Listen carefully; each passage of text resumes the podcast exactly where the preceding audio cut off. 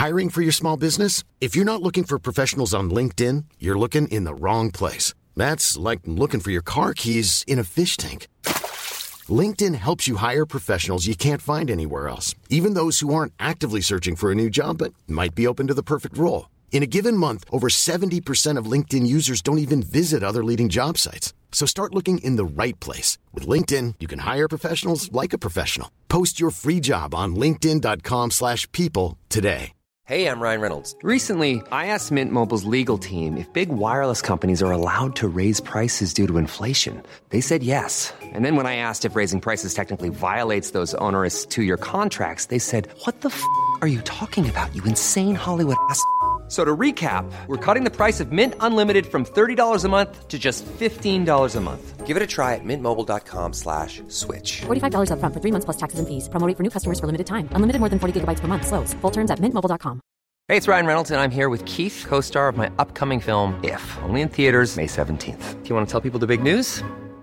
All right, I'll do it. Sign up now and you'll get unlimited for $15 a month in six months of Paramount Plus Essential Plan on us. Mintmobile.com slash switch. Upfront payment of $45 equivalent to $15 per month. Unlimited over 40 gigabytes per month. Face lower speeds. Videos at 480p. Active Mint customers by 531.24 get six months of Paramount Plus Essential Plan. Auto renews after six months. Offer ends May 31st, 2024. Separate Paramount Plus registration required. Terms and conditions apply if rated PG. Vi är glada att vi återigen har vår vän Tumi med oss i Gentlemanualen. Tumi är alltså rese och livsstilsprodukter. Man är globalt ledande inom rese och livsstilsprodukter. Precis, och inte minst den här härliga serien Tegra Light som vi har pratat lite extra om. Ja, och light är verkligen... Eh... Det är budordet kan Ja. man säga. Ja men verkligen alltså. De är så lätta de här eh, väskorna. Ja, och eh, jag vill nog göra en liten korrigering, en liten eh, ändring från vårt förra avsnitt där jag pratade om Tumi Trace. Det är alltså inte en GPS eh, som är i väskan utan det är en ID-tagg som man då kan registrera på hemsidan. Men fyller fortfarande samma funktion. Och jag som ska åka till Pitti ganska snart, den här modemässan i Florens, kan ju säga att lätt väska som skyddar och fortfarande möjliggör för maximalt bagage och en Tumi Trace är ju nyckeln när man reser just till Florens. För Helt det är perfekt. Och rimmar ju dessutom med exklusivitet och stil som ju också är Verkligen. Tumis eh, ledord. Jag var ju iväg häromveckan Ja, du var i, det. eh, och, och, och flög runt och vad passade bättre då? Än att rasta Tumin. Exakt, Tumin följde med och det här var ju verkligen så perfekt. Lätt och eh, stryktåligt. Passar Mm. alltså helt perfekt. Man hittar ju Tumi eh, på nätet inte minst och över hela världen. Men Framförallt i butiken på Birger i Stockholm. där, det är dit man går när man ska uppdatera sin eh, resegarderob hos Tumi som eh, redan har över 125 patent. Och vi kanske ska säga det också att eh, Tegra Light är ju inte bara incheckningsbara bagage utan även carry-ons, alltså handbagage. Det finns i massa olika färger också så eh, vill man se mer av dem så kan man titta på våra bilder från Gentlemanualens Instagramkonto och våra privata. Det gör man med fördel och eh, det här är ju en kär vän när man är ute och eh, reser. Och det här, kan ju tillägga det också, det är ju inte bara för eh, flyg. Nej, nej, nej, absolut inte. Det är ju i allra högsta grad för eh, alla tänkbara resor och eh, Tumi har ju även eh, mjuka bags också kan ju Precis. tilläggas. Vi säger stort tack till Tumi.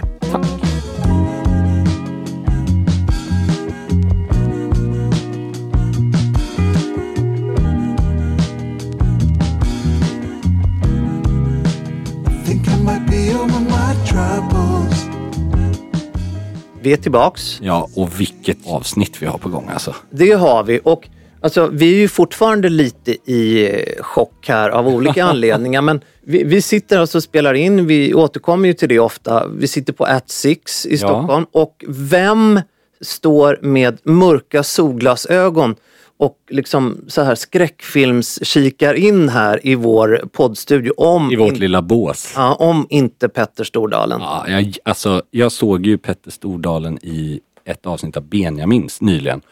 Och jag blev ju, alltså, jag har ju alltid tyckt att han är en fascinerande karaktär, men jag blev bara positivt förstärkt i mitt intryck av honom. Pirrar det lite? Ja, men jag gillar ju på något sätt, alltså det var ju en diskussion om eh, huruvida pandemin var bra eller dålig och jag älskar ju att han var väldigt rak i sitt besked att det fanns ingenting bra med pandemin. Och eh, sen förstår jag ju liksom hur diskussionen gick, att det finns olika syn på om vi människor har kommit närmare varandra i den här gemensamma situationen. Men jag hävdar ju att jag hade gärna varit utan den. Ja, och alltså, man kan ju förstå att han är väl en av de som var mest drabbad liksom, i, Ja, man talar affärsverksamhet. Det var lite det som var hela diskussionen som jag verkligen, verkligen kan köpa. Både eh, Petter Stordalen och eh, Ekengren, eh, kocken, som har hantverket. Okej, Stefan Ekengren, ja. potatismästaren. De sa ju bägge samma sak. Att, ja, det är klart att alla har varit i, i den. Men det är ju vissa branscher som har utsatts betydligt hårdare än andra. Och det tycker jag är ganska alltså, nästintill arrogant att påstå motsatsen i. Liksom. Ja, nu vet jag inte vem det var som gjorde det, men det, Det var artisten Elephant som spenderade större delen av programmet med att spå i tarotkort. Du kan ju förstå hur snabbt hon förlorade mitt intresse ungefär. ja, nej, jag Men men, inte.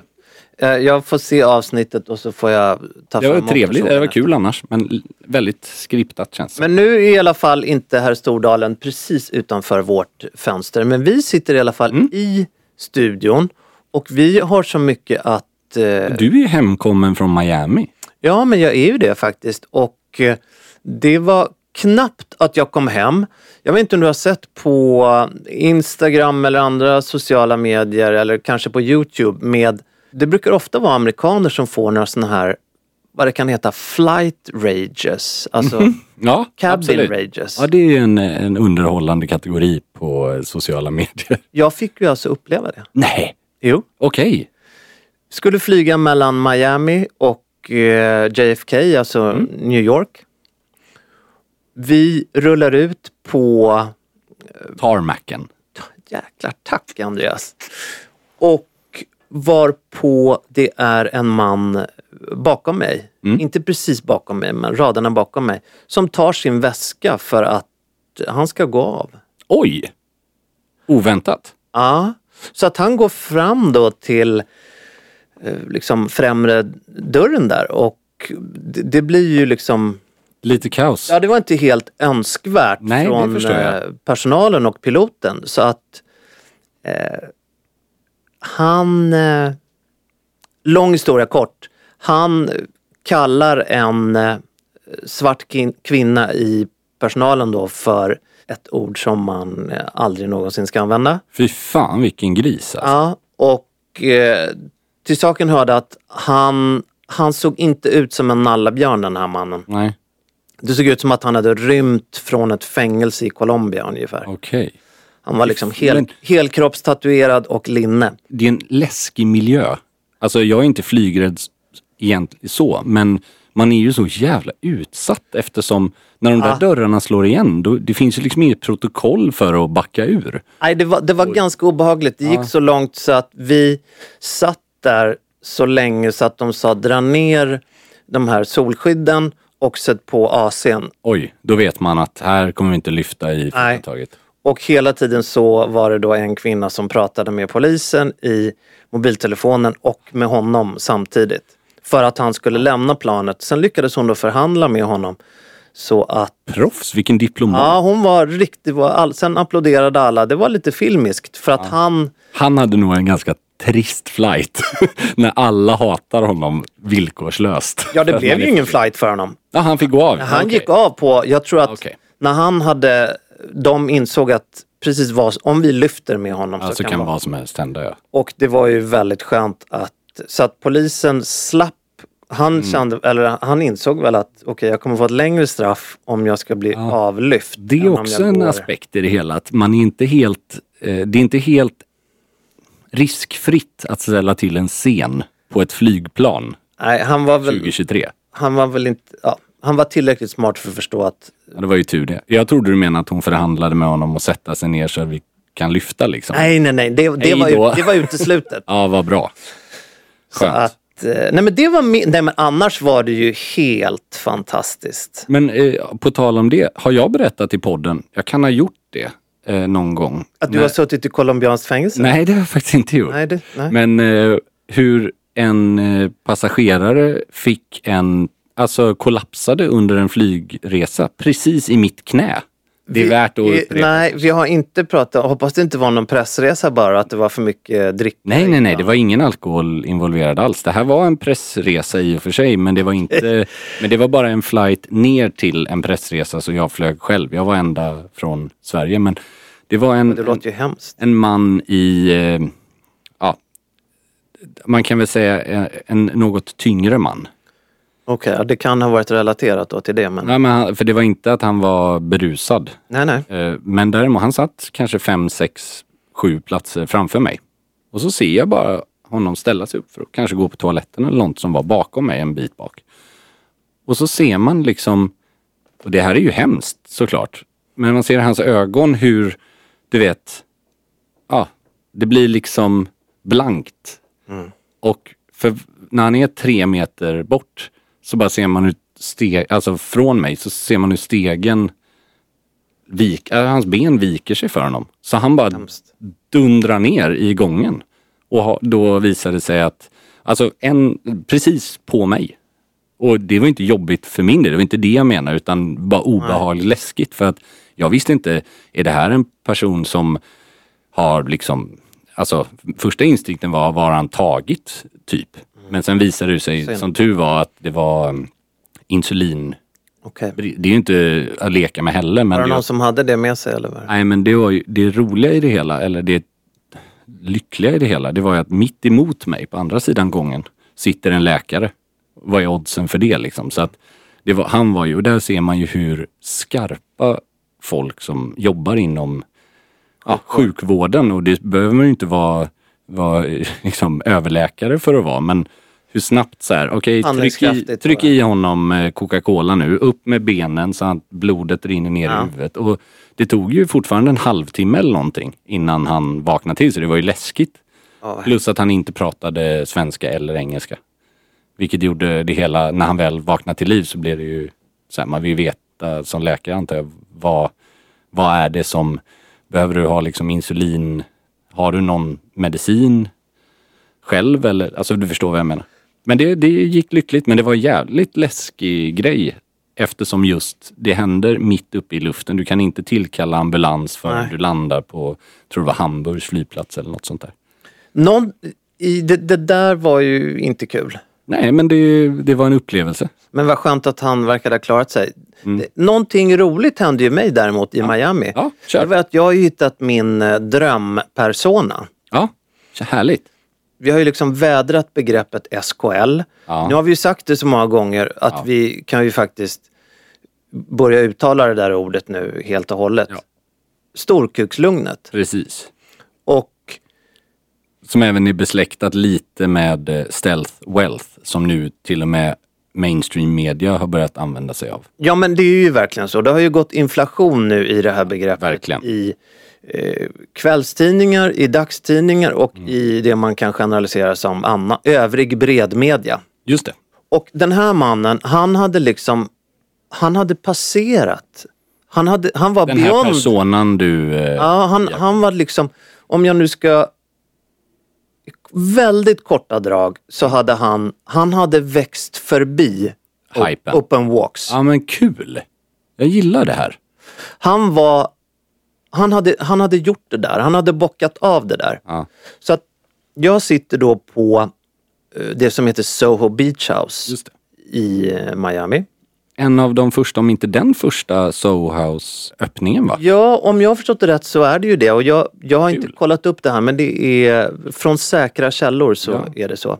Kul. Det var Det här var då, eh, jag vet inte hur man ska förklara, halvt ute, halvt inne. Det var liksom, Inte, inte trendmässigt utan eh, Placeringsmässigt, okej.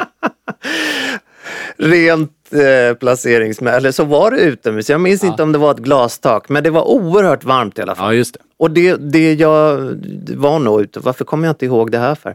Men det var i alla fall såna här fysiska stora, stora fläktar, vilket bidrar till en coolhet som jag gillar. Ja. När det är liksom, eh, de kanske har, de har en diameter på liksom en meter eller mer som står på golvet och hänger från Men det är ingen Carola-fläkt på scenen? Eller? Alltså det, Nej men det om man skulle nog kunna jämföra det med Ja, men det, det, det ger lite effekt och framförallt svalka då. Ja exakt, för det var ju ot- otroligt fuktigt och sen så väldigt, väldigt varmt. Det var mellan 32 och 35 grader. Oj, liksom. wow.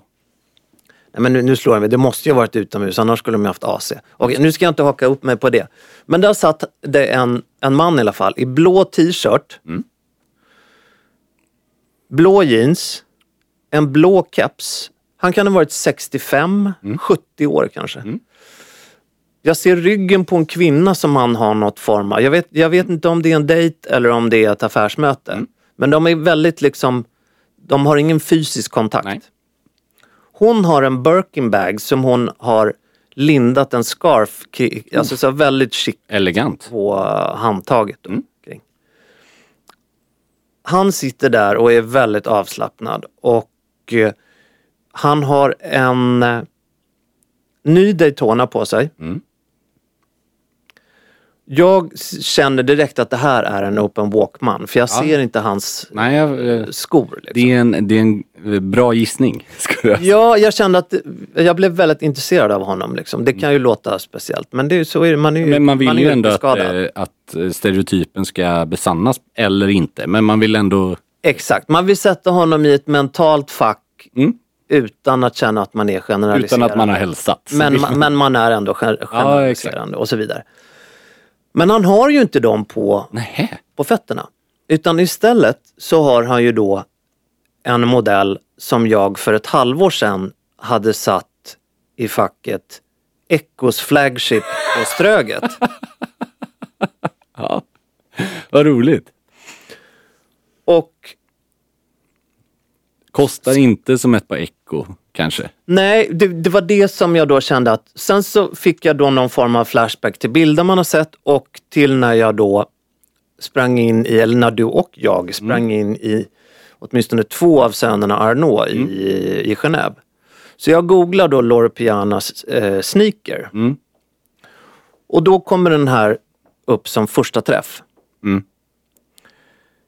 Det är då en, en ullsneaker Okej.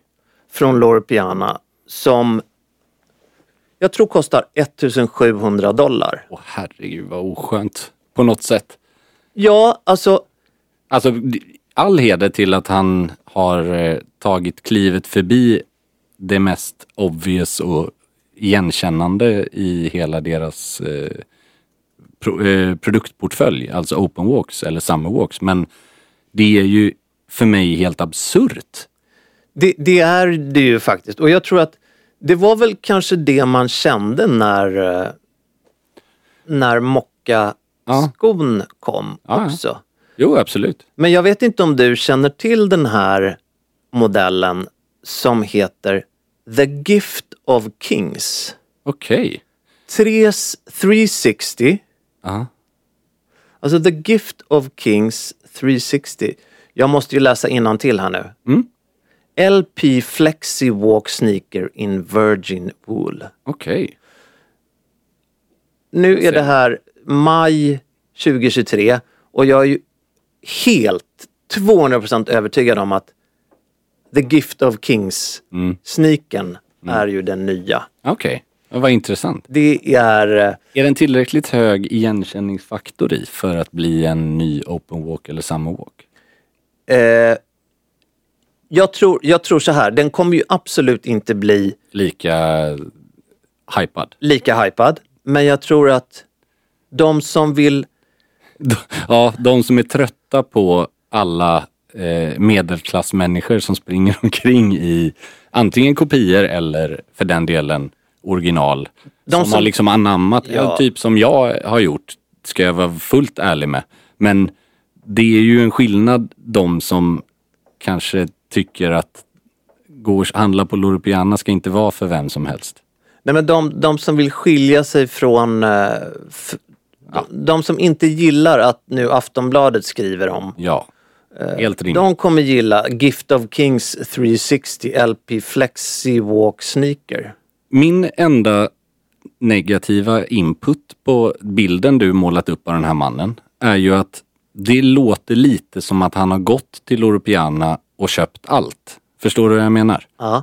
Jag vet ju inte, jag har inte sett Helt och hållet. Det jag snöade in på med eller en av hundra saker jag snöade in på Mm. med honom, det var att han hade en logga på kepsen som jag aldrig någonsin har sett. Okej. Sen när han gick så såg jag då ehm, snett bakifrån, då var det en swoosh på. Mm. Jaha. Det var någon form av samarbete med Nike, vilket då gjorde att han steg ännu mer. Ja, ja, ja absolut. För att det, det, det gjorde honom mindre ängslig. Ja, jag förstår.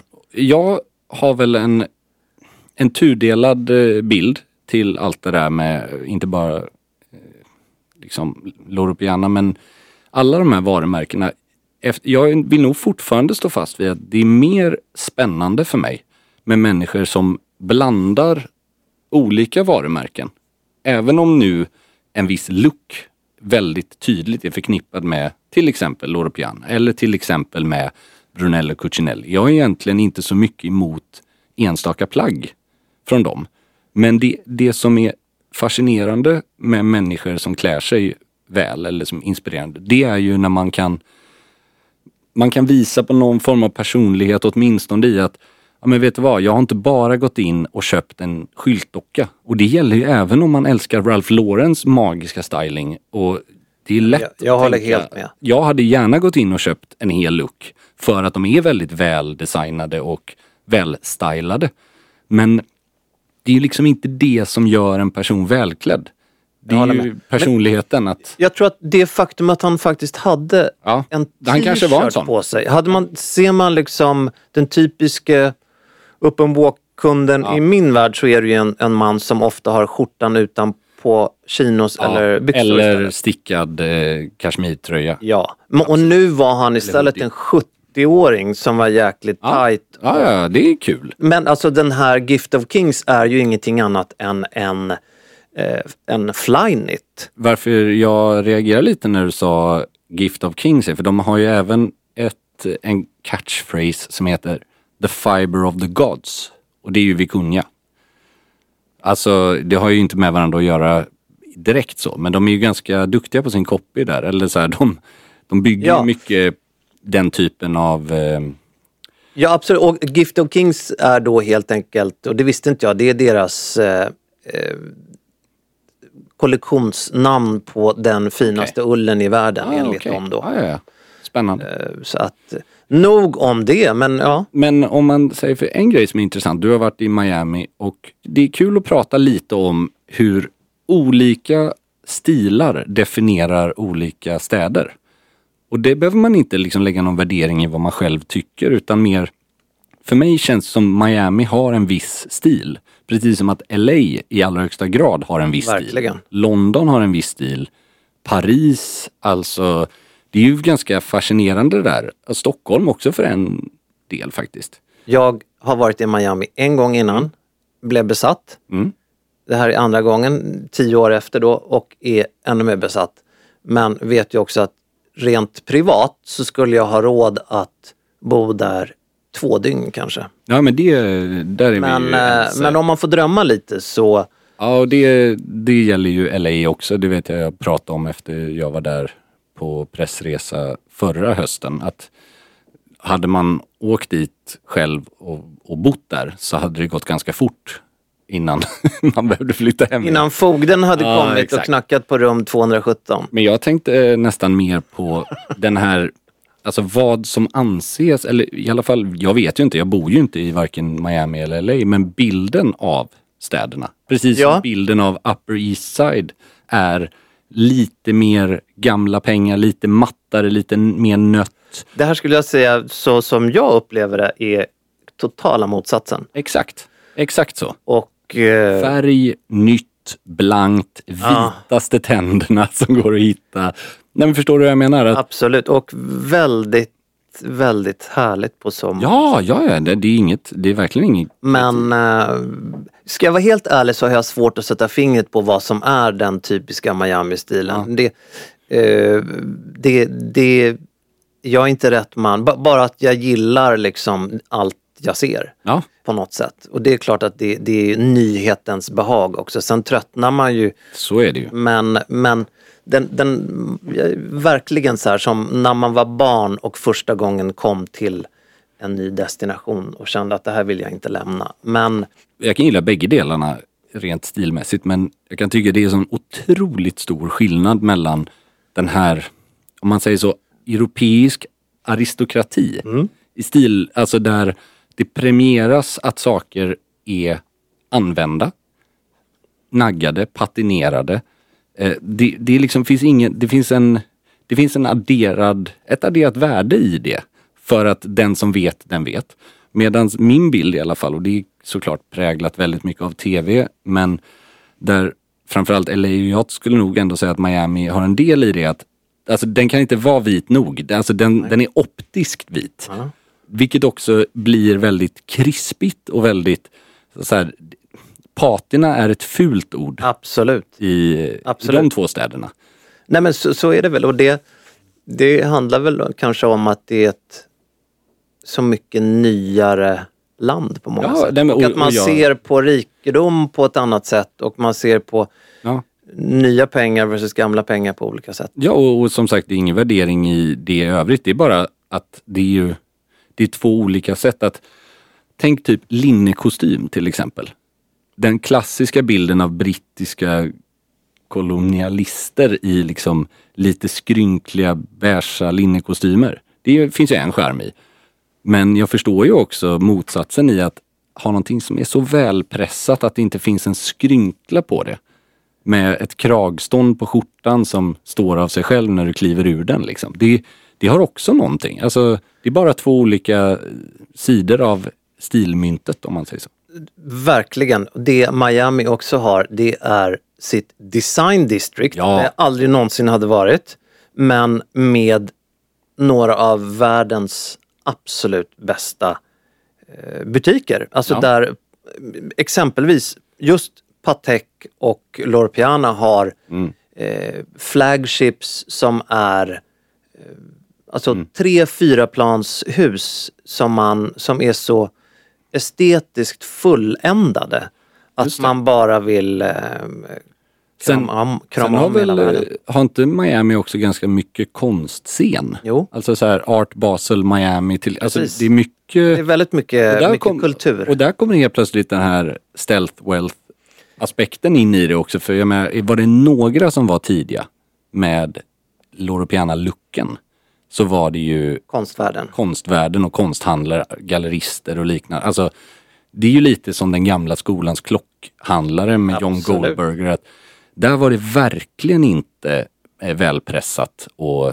sådär. Där var det snarare manchesterbyxor med lite eh, två centimeter långa och ett par open walks och en blå bespoke-kavaj som hängt med sedan liksom 1973 men sitter bra. Ja, men åk till Miami, bo, in, ja möjligen, på, jo man kan bo på uh, Soho Beach House, absolut ska man göra det. Men man kan också bo på The Setai, där bodde jag.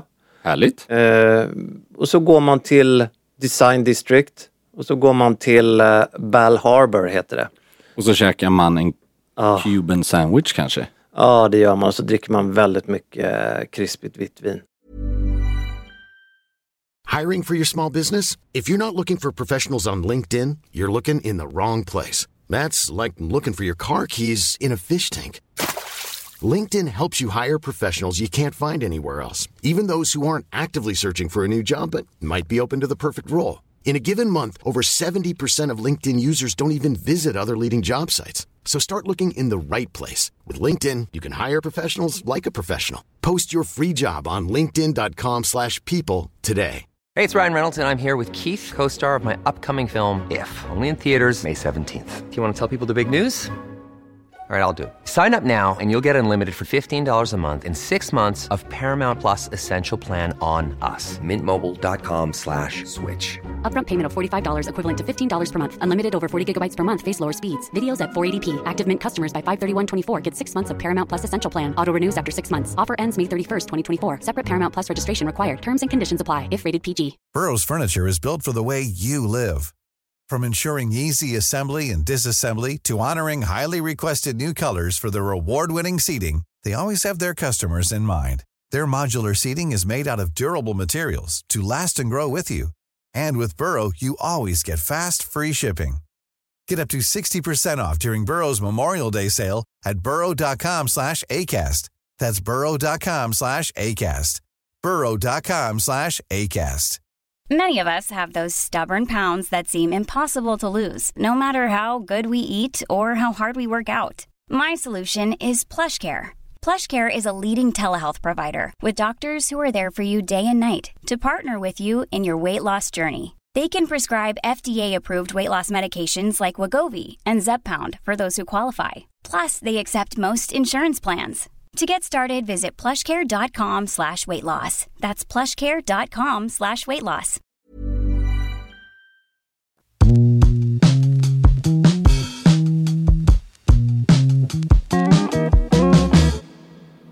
Men du, från, från en lyxputte till en annan, höll jag på att säga. Vi har ju ett avsnitt där vi faktiskt ska prata lite bil. Eh, Sotheby's har ju haft en av de härligaste aktionerna på länge med svensk koppling. Som du uppmärksammade mig på. Jag satt ju som ett barn liksom i en leksaksaffär när jag scrollade igenom de här eh, auktionslotterna eller vad man kallar det. Jag, ska, det, det här, det, jag tyckte att det var en smickrande och kul övergång du hade. Jag vill bara tillägga att jag betalade ungefär en promille av den här resan Jag själv. skojar bara. Jag, Nej, men jag vill bara klargöra det. Men, men eh, ja, bilar, Ja. bilaktion. Och eh, det var ju då en aktion där som var baserad på framförallt två kollektioner, alltså två privatsamlares kollektioner. Varav den ena går under namnet, eller gick under namnet The Aurora Collection. Och där har vi svenskkopplingen att det är Aje Philipsson som säljer. Som har eh, hela, ja, Hela sitt liv. tidig, Ja. tidig ålder gått under epitetet kungavännen. Ja, och Om vi nu ska- eh, om vi nu ska god presentera smak. Alltså, honom på något sätt, Ja, verkligen. Och där kan man ju säga, det här är ju, ja, och jag tror jag kan tala för oss bägge när vi säger att vi är ju inga bilkonnässörer. alltså, vi är ju inte, vi kommer inte sitta och prata om vilken bilmodell som tekniskt har varit bäst av de här. Nej, vi, vi, men vi, Vi pratar om vad vi tycker vi är vet trevligast. verkligen vad vi tycker är snyggt. Verkligen. Och Men vi, vi har inte, vi kan mindre om eh, insidan än utsidan. Precis, jag vet inte vad det är för växellåda på en Ferrari från 1961.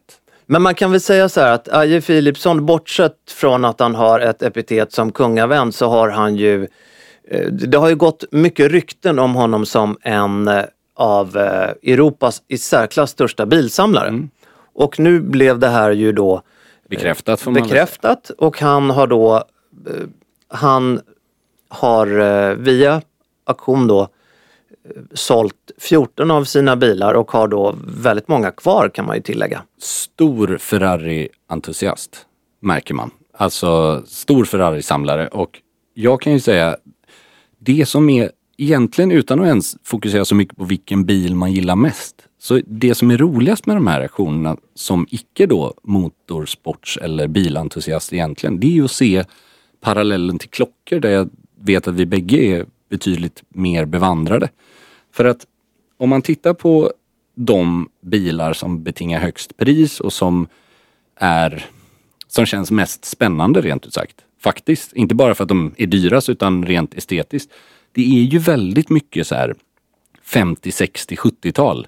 Och den kopplingen till klockor, både estetiskt men också emotionellt, är ju väldigt stark. Nej men alltså om, om jag ska välja ett årtionde Mm. för klockor, jag väljer tveklöst 70-talet. Mm.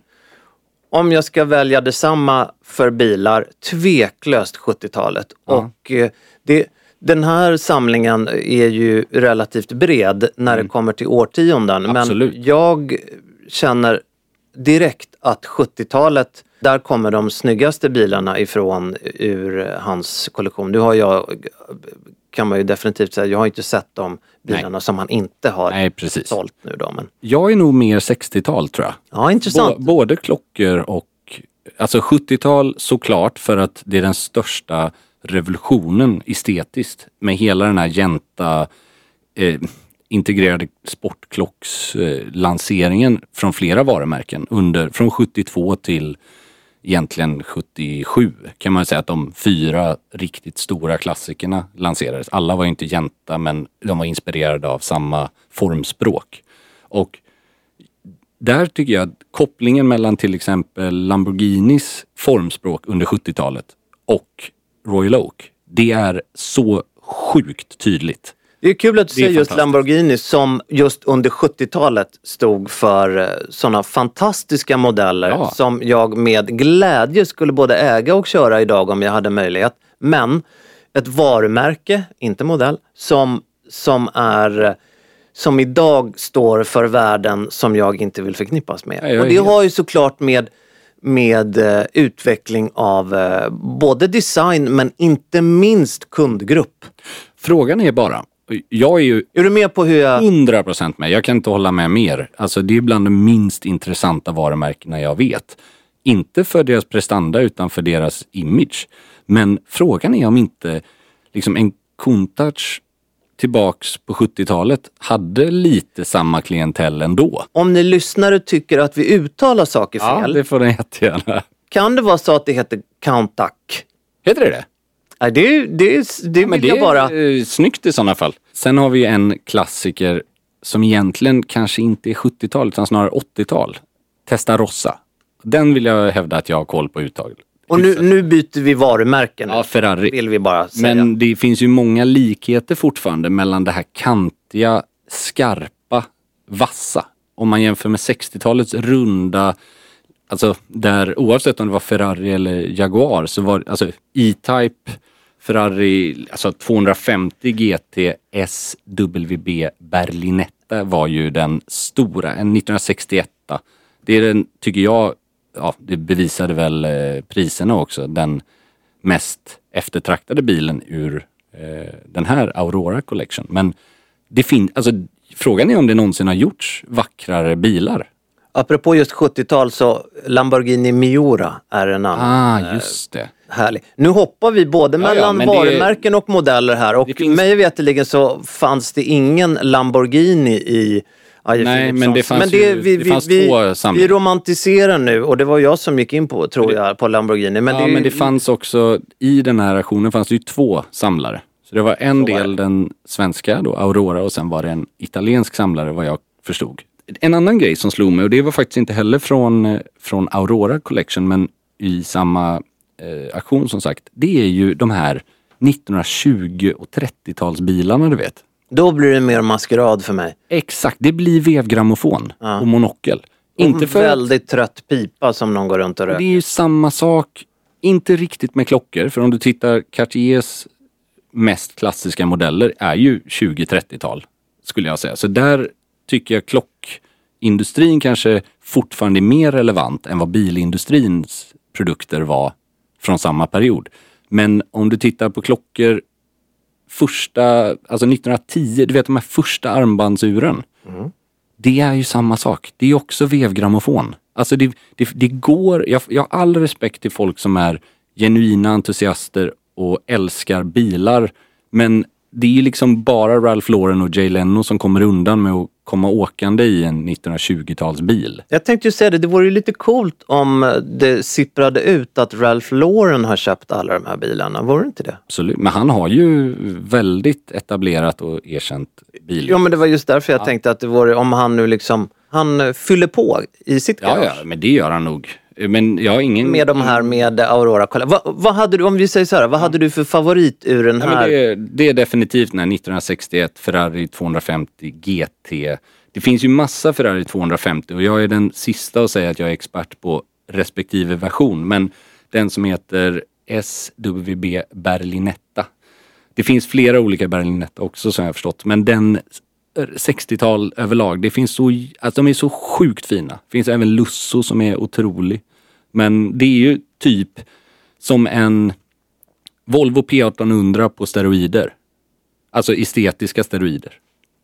Väldigt, väldigt vackra bilar. Jag ska välja en bil som jag inte köpte. Okej, som, som du missar precis. Men som såldes för 2 miljoner 311 250 euro. Och den är ju då från början av 70-talet. Ja. 1973 närmare bestämt. En Ferrari 365 GTS 4 Daytona Spider. Ah. Men Daytona, alltså det är ju... Kan gå långt. Var inte, nu kanske vi får backning om jag har fel här, men var inte Ferrari Daytona med i första säsongen av eh, Miami Vice innan han bytte till en Testarossa? Kan det vara så? En svart Ferrari Daytona? Jag säger inte att det var exakt den Oj, versionen, men jag, jag vill minnas att, för det var Oj, ju intressant. Ja. otroligt eh, fascinerande. Jag vill, någonstans ligger det i bakhuvudet att jag har sett första och andra eller bara första säsongen. Men Vi kan i alla fall konstatera att eh, Pelle, ja, det är italienska för eh, läder. Jaha, vad härligt. Eller skinn kanske? Skinn rättare sagt. Läder är väl... Ja, Pelle Nera är, finns det i den här. ehm, Ah, okej. Poro Pelle är ju äkta skinn. Du ser. Det tyckte jag var väldigt roligt när jag fick reda på det första gången. Ja, det är bra. Men eh, vi- Min, min enda sista lilla iakttagelse från den här härliga aktionen, som är lite negativ, det är ju att likväl som jag kan tycka att Ferrari kanske har gjort tidernas vackraste bilar, framförallt enligt mig då 50-60-tal. Men de här bilarna som rent tekniskt var fantastiska även 2000-tal och framåt, som var med i den här Aurora Collection. Du vet, det kittlar ingenting för mig. det, du går inte igång där. Men det är, jag tror att det har lite med att de är i den här, det här gäller klockor också, det här facket innan det blir nostalgi. För en Testarossa var ungefär det tröttaste man kunde ha. När jag, alltså typ där sent 90-tal, tidigt 2000-tal. Det var ju liksom, det var en förlegad bil. Jag kommer ihåg en granne till mig i Göteborg hade en gammal Testarossa och den, alltså jag, jag vågar Var, inte var, det men- liksom, var det räkpengar då? Var det så man tänkte nej, då? det roliga var att han var inte, han var inte, det var inte en nyköpt bil. Han har köpt en begagnat och jag tror, om jag minns rätt, att det var så här 200-300 000. En halv miljon max. Nu kostar ju, i alla fall en av de här gick för 180 000 euro. Och då vet jag inte om slagavgift eller sådär är inkluderat. Så att vi har ju sett det på klockor också hur vissa eh, årtionden har varit svala för att sen helt plötsligt växa igen. Och det är liksom som att nostalgin måste kicka in. Det är lite för modernt. 2000-tal Ferrari. Och jag kan känna, de sålde ju den första Ferrari Monza på auktion. Den var ju från 2019 så den är väldigt ny. Det är den Zlatan har, tror jag. Om jag förstått det rätt. Men det är också en bil, den är ju otroligt imponerande på många sätt. Men den är helt ointressant, tycker jag. För mig, alltså rent Det, det estetiskt. kommer bli, jag undrar om det här blir rekord i mejl eh, nu till oss. Men vi talar om de här ämnena det. på vårt sätt. Och det är så vi Ja, men- funkar brukar jag säga. Men vi, det är också så här, all respekt till folk som ser andra saker i de här bilarna än vad vi gör. Vi utgår återigen för vår perspektiv och jag kan bara säga samma ja, nej, sak men så om- är det ju. Det gäller ju allt det vi pratar om. Ja, vissa klockor från 90-talet är för mig helt ointressanta fortfarande. För det har inte liksom... Jag har, romantiken har inte börjat Nej. eh, komma tillbaka än. Nej. Så det är ett, ett fönster där på det som... I klockvärlden snackar man ju om vintage, neo-vintage och ännu tidigare då så är det antik. Antika klockor, inte speciellt intressant tycker jag. Vintage jätteintressant. Neo-vintage då som är ja, mellan modern och vintage kan man väl säga. Det är till exempel om man pratar i klockvärlden när eh, branschen gick från plexiglas till safirglas. Men klockorna var i övrigt ganska lika. Det, vi har ju pratat mycket om likheterna mellan Mm. bilar och klockor och en väldigt viktig del är ju det här med tilldelning också. Ja, menar, absolut. ti- tittar man då på den här Monsan som Mm. han sålde nu. Så, och den gick ju för, jag vet inte om du sa det, men 2 miljoner 423 Så det är ju euro. Euro, det är ju ja, en, en eh, det är uppenbarligen en väldigt eftertraktad bil och väldigt svår att få tag i. Även om det är extremt mycket pengar som den kostar även då i, Ja, i, hos en auktoriserad återförsäljare så är ju det största problemet precis som med klockor tilldelningen. precis. Men i och med att säljaren då har sån nära relation och har gjort sig sedan väldigt många år en relation med Ferrari så har han då fått köpa den här bilen. Vilket jag kan respektera också. Ja absolut, det, det är inga som helst konstigheter men det är så stora likheter mellan klockvärden tänker jag. Ja, det här är ju ingen kritik mot hans smak. Jag menar uppenbarligen har han ju fantastisk smak kring bilar för det är väldigt mycket superklassiker. Det var väl en Mercedes Gullwing Mm. som också så här helt otroligt inslag i den här Ferrari-tyngden. Alltså det var mest Ferrari i den här samlingen men det är ju inte heller en direkt trist bil att slänga in i, i samlingen. Nej, Eller i helt okej skulle man kunna säga. Men bilar var det. Bilar var det. Vi har fått mejl. Vi har fått mejl. Jag tycker vi fortsätter på den här inslagna vägen med fantastiskt härliga mejl som rör mycket fest och eh, klädkod. Vi har ju varit inne på eh, manschetter, vi har varit inne på ja, med flera olika saker i tidigare mejl. Nu har vi fått en fråga som lyder Tja! Ska på flera sommarfester där det står kavaj på inbjudan och ville kolla med er. Vad betyder egentligen klädkod kavaj idag? Är det att tolka som mörk kostym eller är det att tolka som bläser med byxa i annat tyg? Jag tycker det var länge sedan vi gick igenom och det här är väl den vanligaste klädkoden nästan på fest och bröllop. Så varför inte sätta tänderna i den igen? Det tycker jag att vi gör. Vill du Mm. ki- kicka igång? Vi kan väl börja med det uppenbaraste då, det, det mest glasklara. Det betyder alltså inte kavaj med byxa i annat tyg. Det är det enda som är... Det, enda Det är som så roligt att ja. det är så glasklart. Nej, nej, det är ju inte Ja, nej, jag- glasklart. jag förstår vad du och framförallt för, nu vet jag inte åldern på vår frågeställare, men för en yngre generation som inte växt upp med klädkod kavaj tidigare.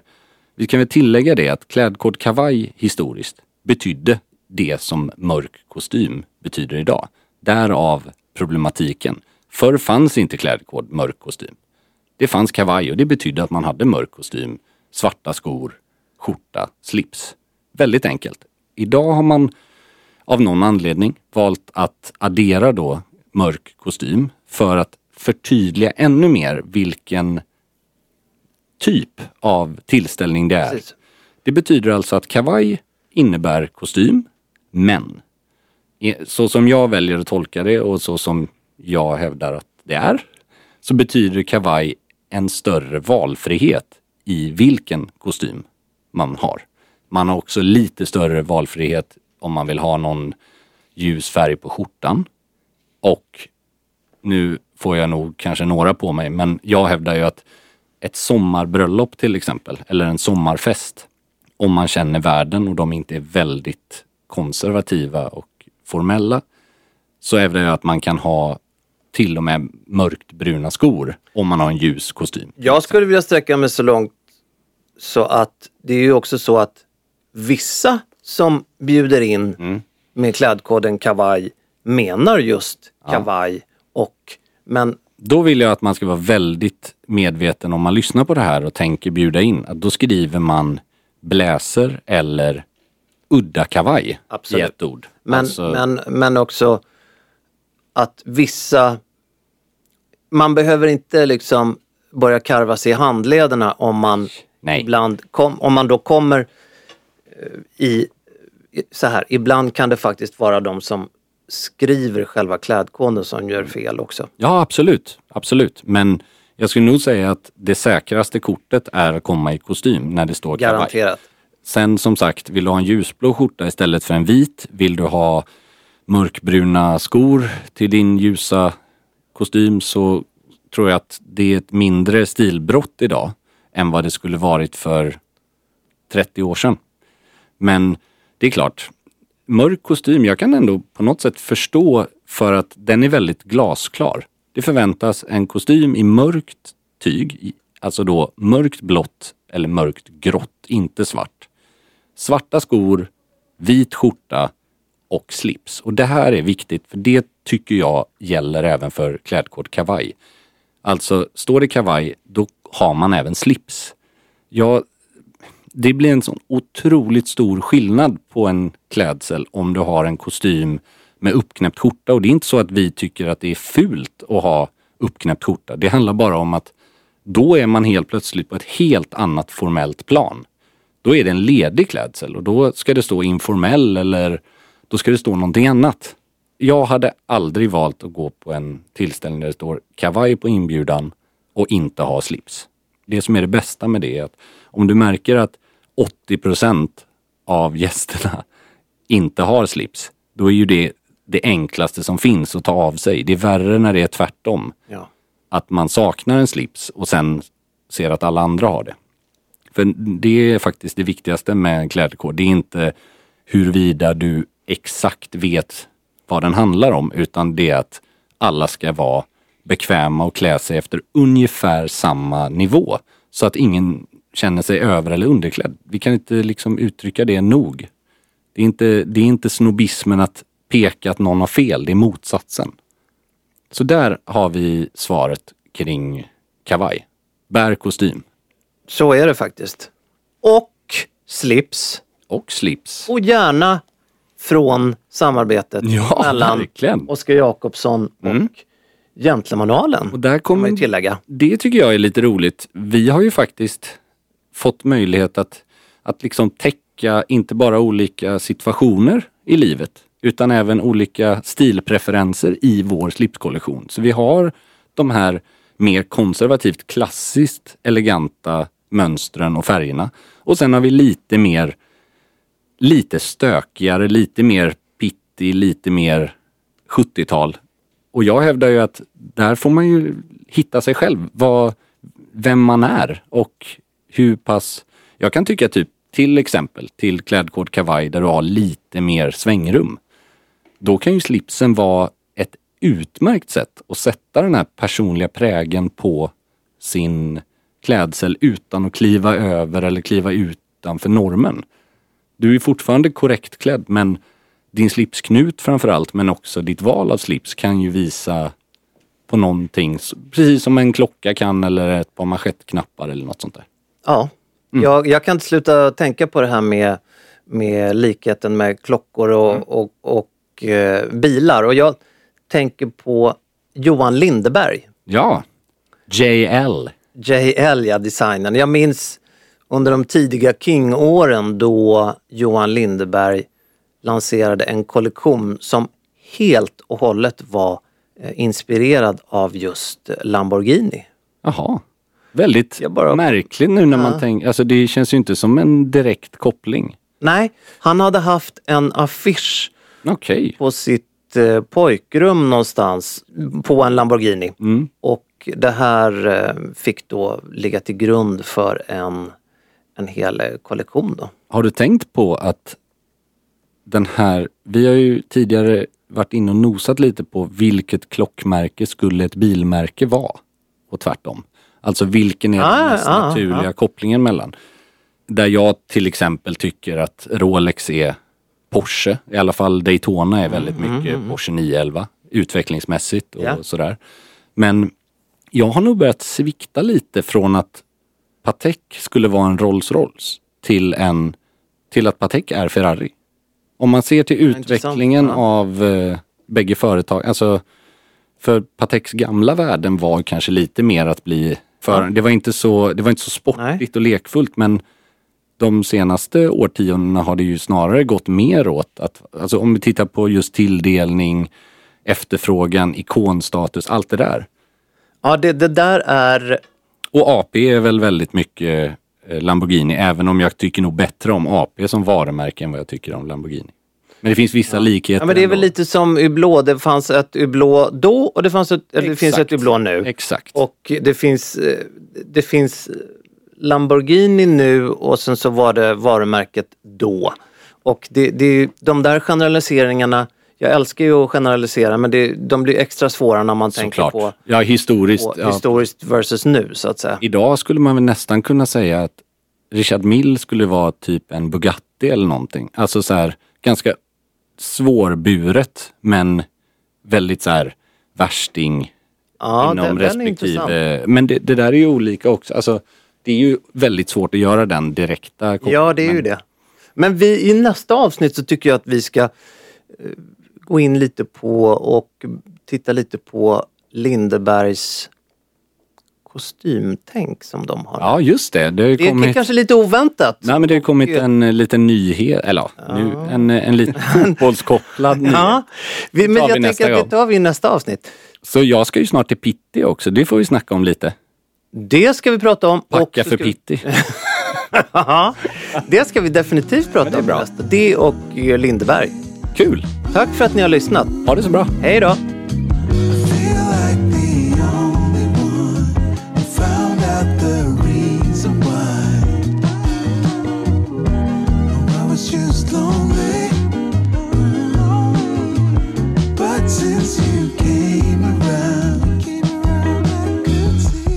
feel like the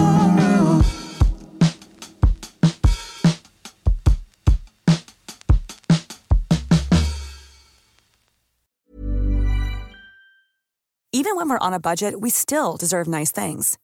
Quince is a place to scoop up stunning high-end goods for 50 to 80% less than similar brands. They have buttery soft cashmere sweaters starting at $50, luxurious Italian leather bags, and so much more. Plus, Quince only works with factories that use safe, ethical, and responsible manufacturing. Get the high-end goods you'll love without the high price tag with Quince. Go to quince.com slash style for free shipping and 365-day returns.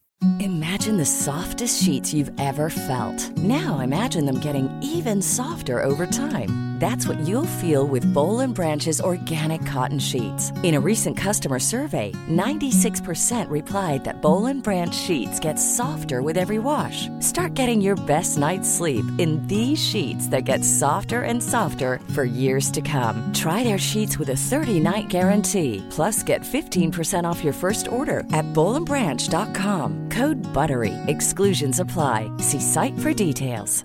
Mom deserves the best, and there's no better place to shop for Mother's Day than Whole Foods Market. They're your destination for unbeatable savings, from premium gifts to show-stopping flowers and irresistible desserts. Start by saving 33% with Prime on all body care and candles. Then get a 15-stem bunch of tulips for just $9.99 each with Prime. Round out Mom's menu with festive rosé, irresistible berry chantilly cake, and more special treats. Come celebrate Mother's Day at Whole Foods Market.